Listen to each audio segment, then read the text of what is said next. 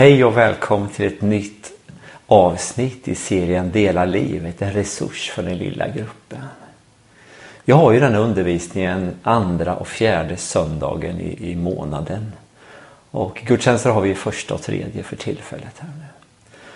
Och den här undervisningen för den lilla gruppen, den, den, den, är, den, den är viktig. Att, att träffas i en smågrupp, att eh, ventilera frågor och Ja, därför gör vi på det här sättet just nu. Och har sån undervisning. För två veckor sedan så, så stannade jag vid det här med att ha en kallelse, att, att bli kallad av Gud, att hitta sin plats. Så jag kommer fortsätta där, med det idag här. Eh, jag var ju lite mer fokuserad på det här med att kallad och idag är det mera på att hitta sin plats. Lite kort, vad sa jag? Jo, jag sa kallelsen gäller alla och är aldrig i första hand en kallelse till ett uppdrag utan till ett liv. Följ mig, Jesus sa ju det, följ mig. Och eh, det är där det handlar om. Följ mig, ett lärjungaskap. Att vara lärjunge det är att följa, se, lär och gör. Jag läste också andra Timoteusbrevet 1 och 9 och vi läsa det idag här. Han har frälst oss och kallat oss med en helig kallelse. Inte på grund av våra gärningar utan genom sitt beslut och sin nåd som han har gett oss i Kristus Jesus från evighet. Han har kallat dig och han har kallat alla. Följ mig och det gäller alla människor. I första hand som jag sa så handlar det om ett liv, en gemenskap. I andra hand så är det faktiskt ett uppdrag, en uppgift som vi får av honom. Vad är det för uppgift då? Ja, man skulle egentligen kunna dela på den i två delar. Det hör ju ihop egentligen, men, men jag, jag, jag gör så. Första delen är från första Mosebok, de första kapitlen där. Då säger Gud till människan att eh, ta hand om den här jorden, förvalta den. Och så säger han också att de ska leva av den. Alltså försörja sig. Ett arbete med andra ord. Det är den första delen. Att ta hand om och, och arbeta så att säga. Andra är ju från Matteus 28, verserna 19 och 20 där. Gå ut och berätta om Jesus. Det är det här lärjungaskapet handlar om. Det är inget där bara att gå till kyrkan två timmar i veckan utan det handlar faktiskt Lärjungaskap handlar om 24 timmar per dygn. Två delar alltså. Förvalta, arbeta och sen var det här att berätta. Berätta vad, vad man har varit med om. Vet ni, jag har mött en man som verkligen, ja, han lyssnar på mig. Jag, jag var värdefull och viktig för honom. Det känns nästan som han ville att det ska gå bra för mig. Och tänk, jag, jag har fått uppleva det här. Att han har förlåtit min synd. Och dessutom har fått evigt liv. Det är det det handlar om, att berätta. Jag tänker på kvinnan vid, vid brunnen som skulle hämta vatten. Så kommer Jesus dit och så börjar det bli ett samtal där. Efter samtalet så går hon in i staden och berättar. Jag, jag, jag har mött en, en man som, som ja, han måste vara profet. Det måste vara något speciellt med honom. Kan han vara Messias? Kan han vara Jesus? Det där spontana. Det där, ja men jag har varit med om någonting. Det är där det handlar om. Med mitt liv visa vem Gud är. Alltså uppdraget handlar om att förvalta, arbeta men också berätta. Det går som sagt var inte att dela på. Men hur ska vi göra det här nu då? Ja, jag skulle vilja säga använd det du har. Eh, jag har ingenting, säger du kanske. Jo, jag tror att du har något. Jag tror att du har mycket. Mina tankar går till Mose när han fick uppdraget från Gud att föra ut eh, Egypt, eh, Israels folk ur Egypten. Vad har du i din hand, säger, säger Gud. Ja, en stav. Ja, men använd den. Använd staven. Staven hade han fått redan eh, innan han fick uppdraget. Gud har lagt ner saker i dig, i ditt liv. Jag tänker på Belsalel, en, en man i Andra Mosebok. Eh, Det står så här i Andra Mosebok 31. Det var så här att Israels folk var ute i öknen. De skulle bygga tempel och det skulle vara flyttbart såklart. Och så står det så här, se jag har kallat Besalel, är alltså Gud har sagt. Jag har uppfyllt honom med Guds ande, med vishet och förstånd, med kunskap, med skicklighet i allt slags hantverk. Så jag kan tänka ut konstfulla arbeten och utföra dem i guld, silver och koppar, slipa stenar för infattning och snida i trä och utföra alla slags arbeten. Här hade Gud lagt ner gåvor i honom och fyllt honom med Guds ande så att han ska kunna klara av att göra fina saker i trä till exempel.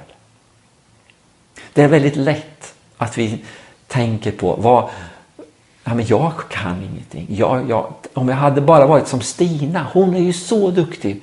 Tänk vilka gåvor hon har. Om jag bara hade de gåvorna. Då skulle det fungera i det där som Gud har kallat mig till. Och så tänker Stina om mig. Ja, men tänk om Mikael, om han har de gåvorna och om jag bara var... Och vi ser inte vad Gud har lagt ner i dig och mig. Vi söker de där gåvorna som, som, som, som vi längtar efter, som vi inte har. Men Gud har lagt något ner i dig, i dina gåvor. Besalel, han fick gåvor av Gud. Och eh, det var praktiska gåvor och de är så viktiga. De är andliga. Allt är andligt. Det går inte att dela på. Vad har du i din hand nu då? Ja, har du anlag för siffror kanske? Du kanske är bra på gästfrihet eller har förmåga att trösta och lyssna eller sinne för affärer. Du kanske har en god kommunikationsförmåga. Du, eller du har en förmåga att skapa eller du är en duktig hantverkare eller du har en musikalisk gåva. Man skulle kunna göra den här listan hur lång som helst. Vad har du i din hand? Gud har lagt ner det i din hand.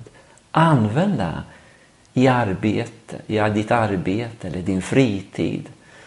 Låt inte så att säga bilden eh, utifrån den med staven ligga kvar i, sta, i kartongen. Låt inte staven ligga i kartongen utan ta upp den och använd det du har. Varje människa är unik. Varje människa har någonting som kan tillföra den här världen. Använder man inte det man har, då, då, då blir världen fattigare skulle jag vilja säga. Nej, världen behöver dina gåvor och dina förmågor. Vi alla behövs. Jag tänker på ett pussel.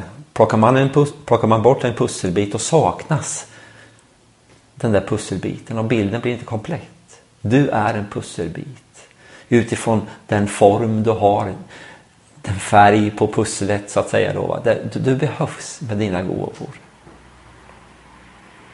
Vad är du duktig på? Vilka talanger har du? Vad har du för förmåga? Här har du där din kallelse. Här är din plats, skulle jag vilja säga. Det kan också vara faktiskt som så alltså, att vad gör dig upprörd? Vad, vad, vad, är det som, som du reagerar på? Där kanske du har en uppgift att förändra saker. Kanske i det lilla, i samhället eller i Sverige. Ja, du kanske har ett uppdrag där. Där har du din plats utifrån de här sakerna som jag har sagt. Vad får, dig, vad får du energi av? Vad, vad blir du tillfredsställd av? Ja, men det är det det handlar om. Om det nu är tälja i, i trä eller vad det nu är, eller spela eller vad det nu är när.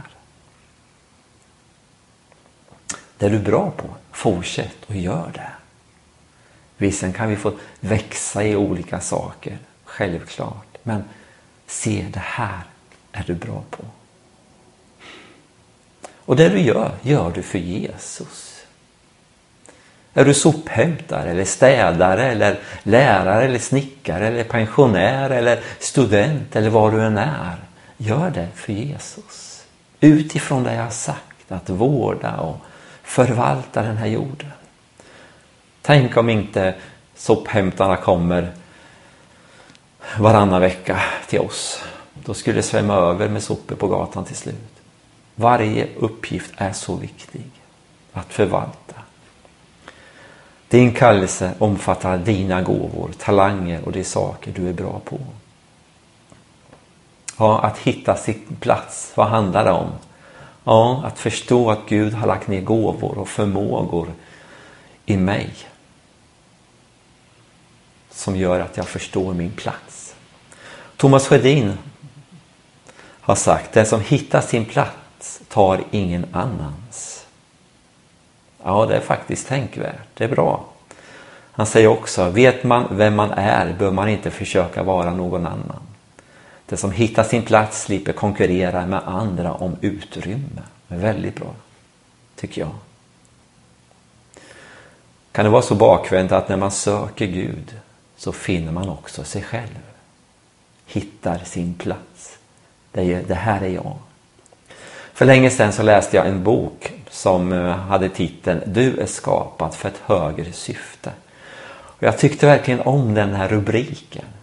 Den här formuleringen. Du är skapad för ett högre syfte. Än vad du tror om dig själv. Ja, du är skapad för ett högre syfte. Det är inte meningen att man bara ska genomlida livet så att säga. Nej, Gud har en tanke, Gud har en plan. Du är skapad för ett högre syfte. Ett med evighetsperspektiv. Gud har lagt ner en kallelse, drömmar, gåvor i dig.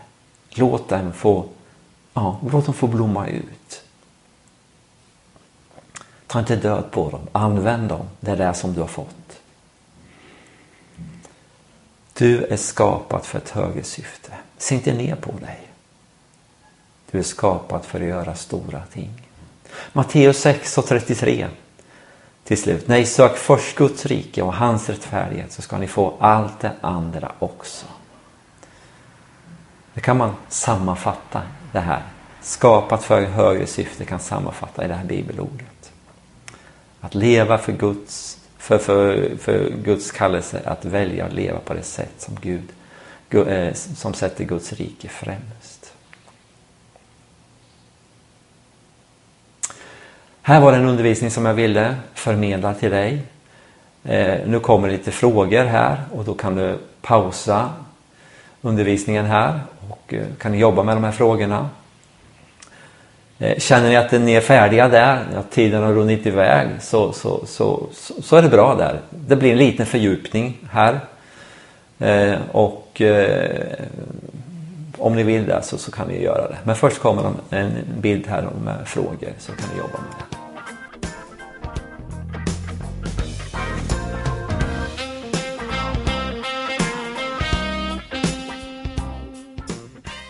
Samtalsfrågorna gäller även den här gången kallelsen. Att hitta sin plats. Den första frågan gäller dig själv. Vad är du bra på? Eller med andra ord, vad har du i din hand? Ta gärna ett papper och skriv ner minst tre saker. Berätta något som den som sitter bredvid dig är bra på. Vilka gåvor finns i er grupp som kan utvecklas och bli till välsignelse för er och andra? Talesättet Den som hittar sin plats tar ingen annans. Det låter väldigt enkelt, men hur är det i verkligheten?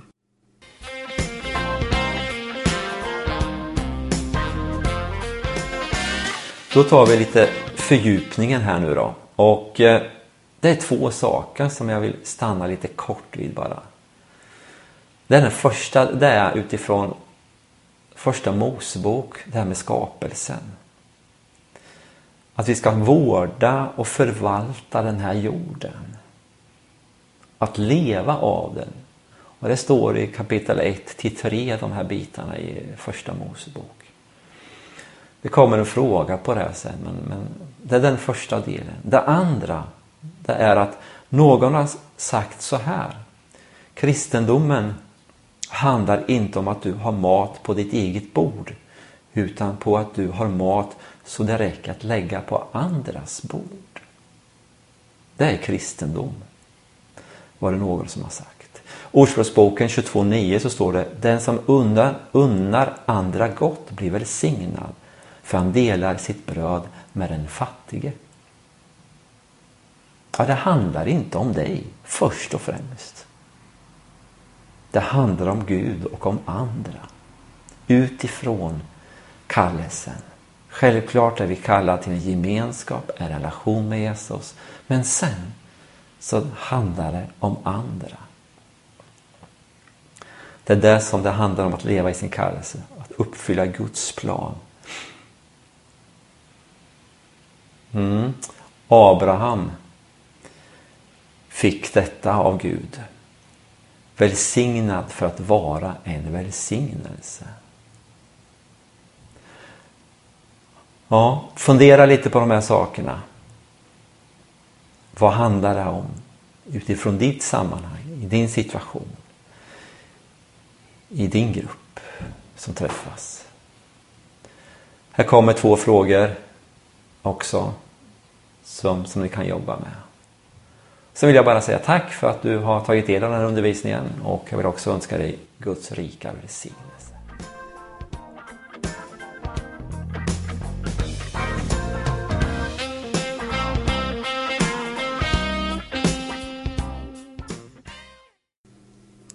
Fördjupning Från skapelseberättelsen i Första Moseboken kapitel 1, 2 och 3 står det att vi ska vårda, förvalta och leva av denna jord. Vad betyder det i ditt liv, gruppens liv och i församlingens liv? Vilka drömmar och mål har ni med er grupp?